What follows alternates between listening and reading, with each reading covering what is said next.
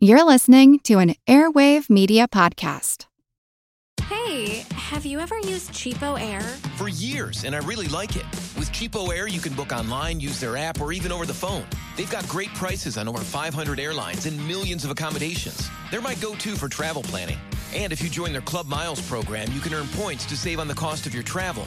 Book on the app, and you get double points. Sounds like it's time I tried CheapOair. Call CheapOair at 855-247-3279 or visit cheapoair.com slash podcast. As a longtime foreign correspondent, I've worked in lots of places, but nowhere as important to the world as China. I'm Jane Perlez, former Beijing bureau chief for the New York Times. Join me on my new podcast, Face Off US versus China, where I'll take you behind the scenes in the tumultuous US China relationship. Find Face Off wherever you get your podcasts. This is Kick Ass Politics. I'm Ben Mathis. If you're listening for the first time, this is a preview station for Kick Ass Politics where I put up a few sample episodes for you to check out. I hope you enjoy this episode, and if you like it, then I encourage you to go to our main program at Kick Ass Politics and subscribe to the show. There are a lot more episodes there. Just search for Kick Ass Politics on iTunes, or if you go to the information page for this episode on iTunes, there's a link right there to subscribe to the main show. Also, feel free to check out our webpage at kickasspolitics.com, where you'll find show notes, book recommendations, and all kinds of extras. I'm Ben Mathis, and I hope you enjoy this preview of Kick Ass Politics. Hey, folks, welcome to Kick Ass Politics. I'm your host, Ben Mathis. Over this past holiday weekend, 2,000 conservatives gathered for the Southern Republican Leadership Conference in Oklahoma. And at the end of the weekend, as they often do at these things, they took a presidential straw poll. At the top of the heap, with 25%, was Dr. Ben Carson. Although some Republicans are just now starting to get acquainted with Dr. Carson, his strong showing this weekend should come as no surprise to many in the party.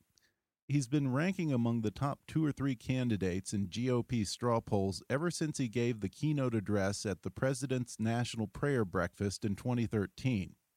On that day two years ago, with President Obama right there in the room, Dr. Carson delivered some common sense wisdom on a range of subjects from healthcare to taxes. And since then, he's skyrocketed from a political unknown to a serious contender for the Republican nomination in 2016.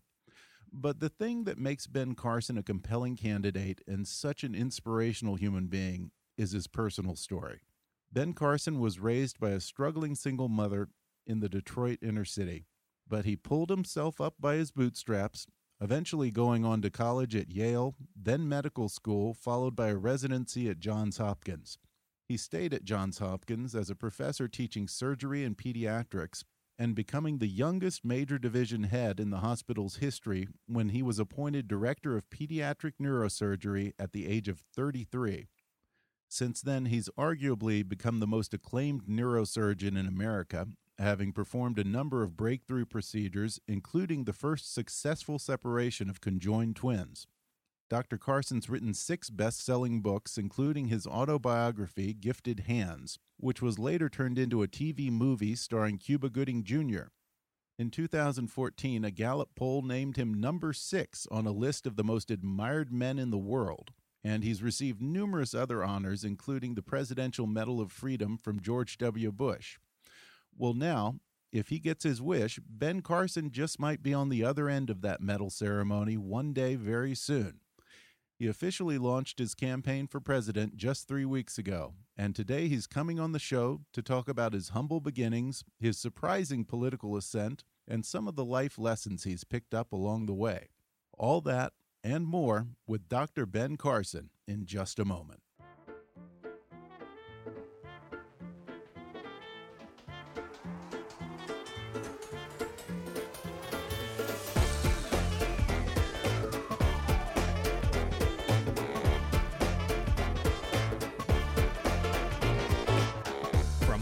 To Washington, it's time for Kick Ass Politics. And now here's your host, Ben Mathis. Just three weeks ago, Dr. Ben Carson threw his hat in the ring for president. and he's already making waves in the Republican horse race. And as luck would have it, he's joining me today. Doc, thanks for coming on the show. Delighted to be here. You have been well known for years as a surgeon, as an author, uh, a speaker, but you were never really known politically until you gave the keynote address at the National Prayer Breakfast, where you talked about education, taxes, political correctness, and health care, uh, which some people took as a, a dig at President Obama, who was actually right there in the room, just a few feet away from you. And suddenly, with one speech, overnight, you became uh, almost a conservative folk hero. And you're getting invited to CPAC. Uh, you're suddenly ranking among the top two or three in Republican straw polls. And now here you are, just two years later, and you're running for president. I mean, did, did you ever envision yourself entering the political arena prior to two years ago? No, I was actually planning on having a, a more traditional retirement. uh, in fact, we even bought a home in Florida in a country club on a golf course, and um, I was going to really become a good golfer. And uh, we bought an organ because I always wanted to learn how to play the organ. And I was going to well, watch the all the movies I haven't seen. being a good president. it seems uh, to we, be. We've learned that from Obama. Or key to being a bad one. I'm not sure which. but uh, but at any rate, uh, obviously things changed rather dramatically after the prayer breakfast, and uh, you know I thought it would die down and just uh, you know be an interesting episode, but it never did. In fact, it continued to build, and then as I started listening to people and uh, discovering the depth of despair that existed in our country. And particularly, I started thinking about the young people because my whole career has been dedicated to the welfare of young people. And I realized that at the rate that we were going, that they would not have a quality future and that I had to get involved. Um, whenever I talk to folks who come back from CPAC or various conservative weekends, inevitably you're the guy that everyone comes home talking about. Mm-hmm. You know, Mitt Romney will be there and a Bush or two and all these guys. you're the guy every time that they go and that, that they just can't stop talking about. Mm-hmm. What is it about your message that appeals to conservatives? Common sense. I think that's what it is. I don't think there are any of our problems that can't be solved with common sense. Uh, when we start sprinkling in bits of political expediency, uh, then it becomes the same old gobbledygook that people have been dealing with for for decades. And I try not to put that in. I try to just talk about what really makes sense and should make sense to the average person, and not so much what's pro Democrat or pro Republican or pro conservative or pro liberal, but what's pro America. Because this is what we have to be concerned about. There are several things that are threatening to destroy us. And if we don't begin to deal with them in a very serious way, if we play politics as usual, we're not going to win. Well, what are those things that you feel are the biggest threats that could destroy us as a country? I, I think our divisiveness, uh, the fact that we're allowing the purveyors of hatred to prevail in our country, a house divided against itself cannot stand. I think our fiscal irresponsibility, uh, which is putting us in a very precarious situation and basically jeopardizing the future of those who come behind us, and our failure to play a major world, a role on the world stage. Uh, our vacuum invites others to fill it, and they perhaps are not nearly as benign as we are. Yeah, that's for sure. Well, I want to go back to what you said about the divisiveness um, because I often feel that conservatives have a great message, but sometimes the messenger leaves much, much, much to be desired. Uh, one thing that I think distinguishes you is your ability to connect with voters. What do you think is the key to Republicans going beyond the base and actually expanding the party in this election? Well, I think Republicans have to be able to articulate Republican ideals, ideals of of self reliance, but you have to couple that with ideals of compassion and recognize that we're all in the same boat. And if part of the boat sinks, the rest of it's going down too. Therefore, we have to do all we can to make sure that part of it doesn't sink, and particularly the parts that are most vulnerable. And uh, there are things that we can do that will allow people uh, who are you know, in a very bad situation, to through their own efforts climb out of the danger zone. It's interesting that you bring that up. Um, one thing that I think appeals to a lot of people about you, Dr. Carson, is you go beyond just plain old politics to talk about big picture societal issues. Matters of personal responsibility, self reliance, uh, the lack of fathers in our society, taking the initiative to read, uh, taking charge of your own education and your own future. I, I don't think that I've heard anyone in the GOP talking about these kind of big picture societal issues probably since George W. Bush back in the 2000 election. So, as president, how do you bring about this kind of big societal change? Well, you know, the bully pulpit is a very powerful thing.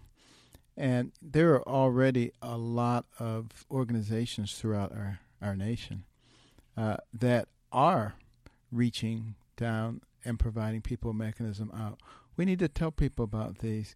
We need to help to connect them. We need to find ways to potentiate uh, various people's efforts. That's something that you can do very well with a bully pulpit. Um, you look at uh, one of the organizations I spoke at uh, not too long ago. Uh, it was a church-related group, but they would go out and get people off the street, bring them into a program which they paid for, 13 weeks free of charge, give them new clothes, uh, teach them job skills, help them to find a job, talk to their employer, and within a year, 70% of those people are off the dole. And, you know, those kinds of programs make a very big difference. And it's people investing in other people, which they're very happy to do if they're seeing results. Because that's another big part of your message for a long time, I think, is getting people off the dole, encouraging people to be self reliant and mm-hmm. not to be dependent on government and handouts and right. that type of thing. How, how do we create a culture of independence? Well, I think we have to just start emphasizing to people what long term value there is in working. For instance, in, in most of the states right now, you can get as much or more from collecting government benefits that, that you can from working a minimum wage job.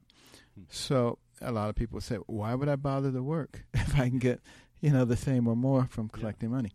Uh, and that's understandable why they would think that. But uh, we have to help them to understand that if you take that minimum wage job, you're going to gain new skills that you didn't have before, new relationships, which allow you to climb the ladder of opportunity. So, in a year or two, you're much better off than that person who's sitting there collecting a check. Yeah, so uh, so it's a, a matter of changing people's perspective exactly. on the payoff, right? Um, and and and that's not something that we tend to talk about anymore.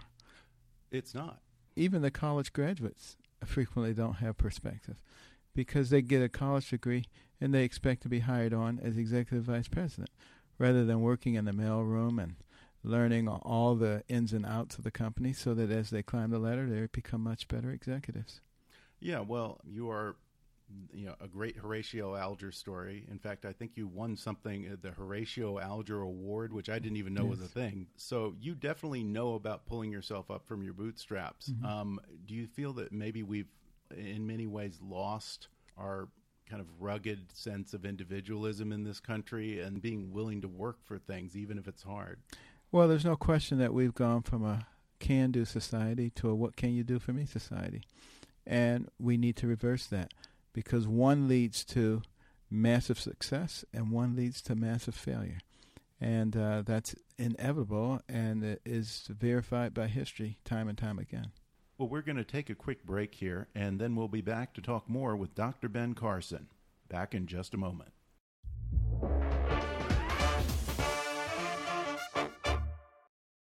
If you're enjoying my conversation with Dr. Ben Carson, then I'd highly recommend that you check out his inspiring autobiography, Gifted Hands. And right now, you can download the audiobook of Gifted Hands or any of Dr. Carson's books for free with a special promotion for our listeners from audible.com. Just go to audibletrial.com backslash kickasspolitics for a free 30-day trial and a free audiobook download. Now, that free audiobook can be any of Dr. Carson's books, including his autobiography, Gifted Hands, or his most recent book titled One Nation What We Can All Do to Save America's Future, Or really, you can choose from any of Audible's 180,000 titles. So go to audibletrial.com backslash kickasspolitics or click on the sponsor link on our webpage and go get your free audio book. And if you like Kick-Ass Politics and you want to help keep us on the air, then please support the show by making a donation to our GoFundMe campaign at gofundme.com backslash kickasspolitics. Or go to the show website at kickasspolitics.com and click on the donate link. Your support will help keep us going and putting out new podcasts in the future. That's gofundme.com backslash kickasspolitics. And now, back to more with my guest today, Dr. Ben Carson. We're back with my guest today, Dr. Ben Carson, famed neurosurgeon, best-selling author, and now presidential hopeful. So let's talk about you as a presidential candidate. In your book, America the Beautiful, you say that you believe it's a very good idea for physicians, scientists, engineers, and others trained to make decisions based on facts and empirical data to get involved in the political arena. So now that you yourself have entered the Republican primary for president, what does your particular skill set and your unique perspective bring to the discussion, Dr. Carson? Well, what separates me from uh, much of the other uh, field uh, is the fact that, you know, my career has been dedicated to uh, solving problems. In many cases, extremely complex problems that people have been trying to solve for years and never were able to solve. And it's not because I was the greatest physician that ever existed, but rather because I learned how to take advantage of the people around me, uh, recognizing that there were people of tremendous skill and knowledge. And uh, if you can uh, can you know organize them and, and synergistically uh, use all of their uh, skills, you can solve the problem. And that's the case with our nation as well. Also, you know, I've been privileged to have uh, uh, decades of experience in corporate America, you know, uh, helping to uh, oversee multinational corporations, learning the business models and how to make things work efficiently. You know, I've had an opportunity to start a nonprofit, nine of ten of which fail. Ours is one of the ones that didn't fail, and actually has become massively successful and is active in all 50 states and won some of the major national charity awards. Um, obviously, uh, to do all these things, you have to have some semblance of uh, knowing what you're doing. And, uh, you know, for the people who think that physicians can only uh, deal with medicine, I just offer those things as indications that we actually have brains too, and we actually know how to do things. yeah, I, I, think that I think that's established. Hmm. Um, mm. Personally, I think this should be your slogan. It's not brain surgery, so, or maybe you can, maybe that's something you, a zinger you can throw into the first debate there. exactly. Well, um, yeah, you do come from a different background, being more results driven. Politicians are used to working in an atmosphere almost of zero accountability, mm-hmm. where your chickens right. never come home to roost. But as a doctor, you are driven by outcomes. So, how would you apply that philosophy to governing if you were elected president? Well, I would look at things that have worked in the past. Um, you know, there are various types of programs that can be applied to inefficient um, organizations. Uh, it, that was the way that Toyota uh, went from a small organization to one of the world's biggest manufacturers.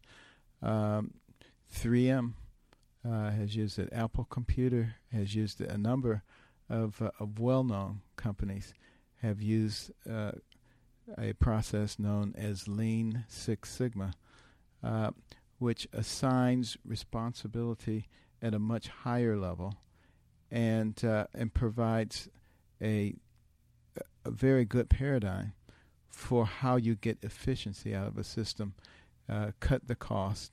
You know, one of the uh, problems that was going on, for instance, was uh, with uh, explosive devices. W- w- many of our soldiers were being injured, and right. we did have a particular type of vehicle uh, that tended to be- prevent these kinds of injuries, but we could only produce five of them a day. And they then applied this Lean Six Sigma formula, and with the same production line and the same number of people, they were able to produce 50 a day, which uh, greatly increased the safety of our troops. And that's happened in other uh, agencies where it was applied. We should do that across the entire federal government. It should be something that is lean, mean, and efficient, not the gigantic behemoth of inefficiency and unresponsiveness that exists now. Well, I imagine it'll be a cold day in Florida when you get get that done. But hey, I, am rooting for you there. We can do it. you think so? Okay, I hope so because we certainly need it. Well, you know, my, my whole career, I've been faced with people saying, "Well, no one's ever done that. Uh, uh that can't be done," and um, you know, that music to my ears. well, the, then I'll ask you, I guess, what what do you think is easier, separating conjoined twins or reforming healthcare? uh, they're both very difficult. There's no question about it. Um, but I already have, I think, a very good plan for reforming healthcare. Uh, one that puts the responsibility back in the hands of patients and healthcare providers and gets the third party out of the way at least 80% of the time. And that, that's going to save us a lot of money, create the kind of efficiency uh, that is necessary to bring quality and cost control. Uh, yeah, I think what was it that you said? You said that Obamacare is the worst thing that has happened in the nation since slavery. I mean, first of all, I didn't say that it was equivalent to slavery, which is what a lot of the left wingers right. say. They say okay, that's person says it's the yeah. same as slavery, and it's not the same as slavery. Slavery yeah. was by far the worst thing that ever occurred in our country. But recognize that what Obamacare does is it fundamentally alters the relationship between the government and the people. That is a big deal. Yeah. And, uh, you know, that's one of the reasons in socialist countries or countries that changing to socialism, they always want to gain control of healthcare first. Because if you get control of the most important thing a person has, uh, everything else comes along afterwards. Yeah, that's true. Well, you know, on another issue, I know that you are a proponent of the flat tax why are you a flat taxer versus a fan of consumption tax or some of these other plans out here? Well, I'm I'm willing to look at all the different plans, but uh, I particularly like the flat or proportional tax because God seemed to think it was fair. He says, "Give me a tithe or a tenth. you make ten billion, give me a billion. You make ten, give me one." Uh, it hits everybody in the same way. Yeah. And uh, that's what we really need. We need something that is truly fair. And I, I know the president likes to talk about, oh, the top 1%, they don't pay their fair share. Well, I mean, they pay 36 to 37% of the taxes, 1% of the people do. Uh, I mean, if they paid their fair share, they'd be paying a lot less than that. So I think maybe he should go back and examine his rhetoric. Uh, but what we really want is something that incentivizes you know, capital expenditure and entrepreneurial risk taking. Those are the things that drive an economy. Those are the things that propelled us to the top of the world's economy in record time. And uh, you know, we're doing just the opposite. We're we're uh, putting in place things that tend to stifle uh, the desire to invest. You were just talking a minute ago about the military, and a few weeks ago, Jeb Bush took a little bit of flack on the Iraq issue because he said he would have gone to Iraq and then he said he wouldn't have gone to Iraq. And just yesterday in an interview, you said that you would not have decided to go to Iraq. If you had been in the Oval Office, how do you think you would have handled the situation with Saddam Hussein? Well, uh, to me, uh, one of the big problems was Saddam Hussein. Right. And uh, I would have used uh, one of um, multiple ways of getting rid of an evil individual. Um, and, uh, you know, there was a time when, you know, we had much better uh, relationships with varying factions of governments elsewhere. Uh, we need to redevelop those ties. Uh, we need to have boots on the ground, both overt and covert boots underground. uh, and we need to be able to do things without necessarily broadcasting them all over the world. While we're on the subject, what about ISIS? Well, the overall strategy is to destroy them before they destroy us. Uh, not downgrade. Not downgrade. destroy. Destroy. Obama yep. said he, he was happy with downgrading. Downgrading doesn't work. or de- degrading them. You know, uh, Winston Churchill said it best. He said, uh, "Fight your enemy today while you can beat them, bec- or you'll fight them tomorrow for your life." Yeah. And that basically is the situation I see. The radical jihadists are rapidly spreading, and uh, they have a goal of destroying us. And uh, we have to be serious about this. These, these, are not JV people. These are not people to be just uh, ignored. Uh, and if we don't get rid of them over there, believe me, we're going to be fighting them here. To go back to something that is uh, is a little bit more in your in your traditional wheelhouse, perhaps. Mm-hmm. Ben, you are unique in that you are the only person running for president who's a vegetarian that I'm aware of, at least.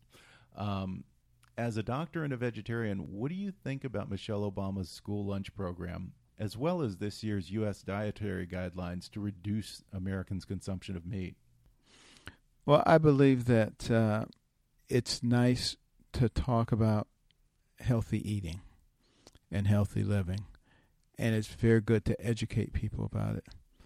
Uh, I do not believe that the government has an obligation uh, to force people to do things uh, against their will, particularly in terms of their diet.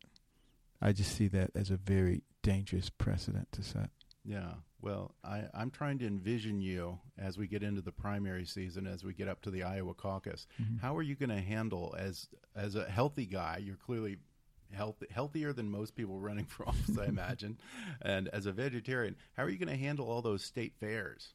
Not a problem because even though I primarily eat a vegetarian diet, if somebody comes along and says, This is our delicacy, would you mind tasting it? I say, Oh, no problem.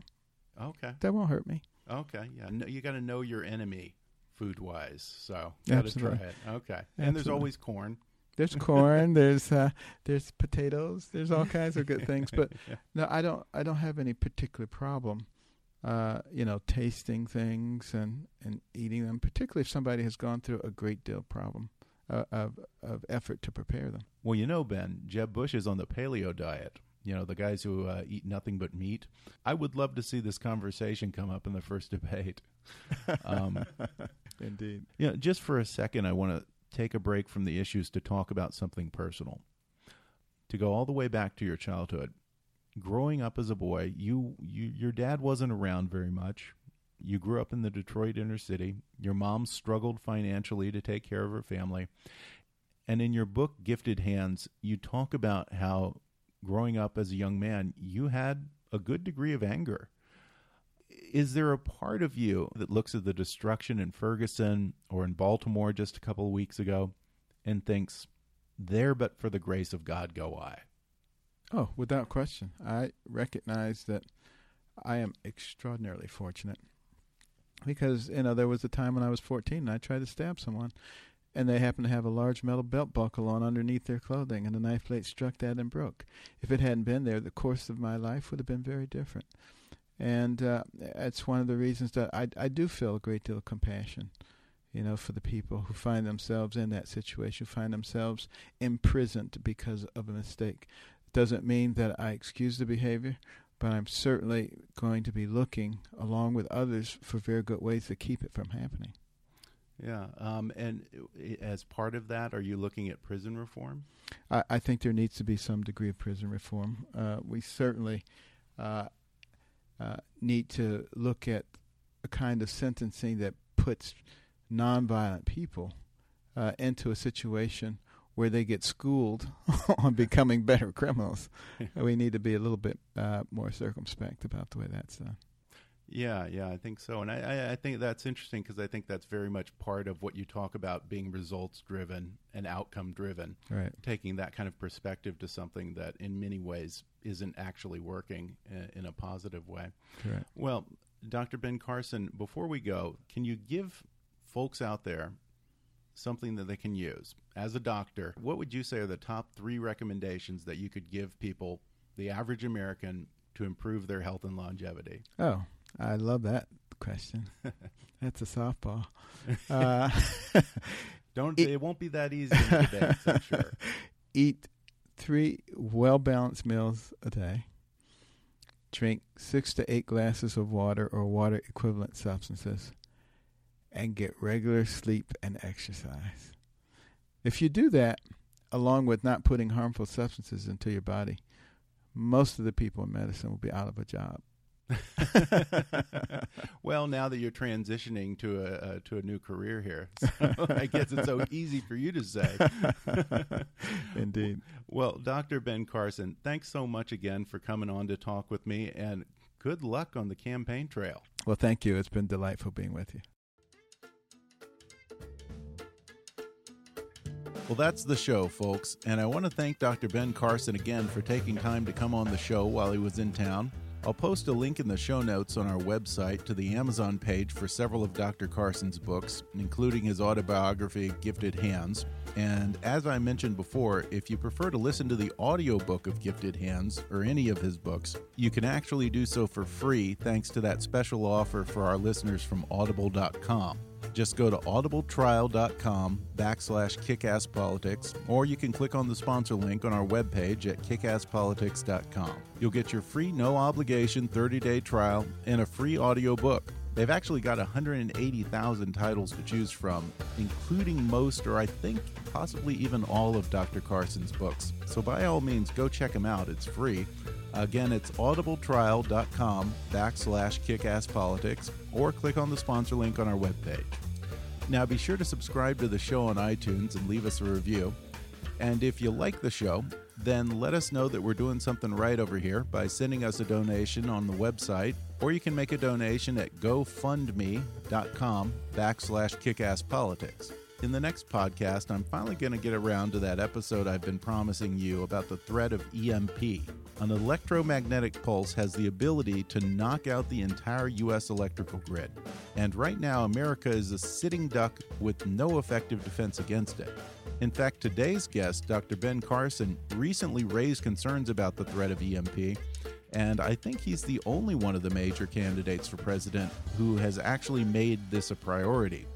So, in the next show, I'll talk with Dr. Peter Vincent Pry about just how vulnerable we are, how bad it could be, and which major industry doesn't want our politicians or the public to take the threat seriously. That's all in the next episode. But for now, I'm Ben Mathis, and thanks for listening to Kick Ass Politics.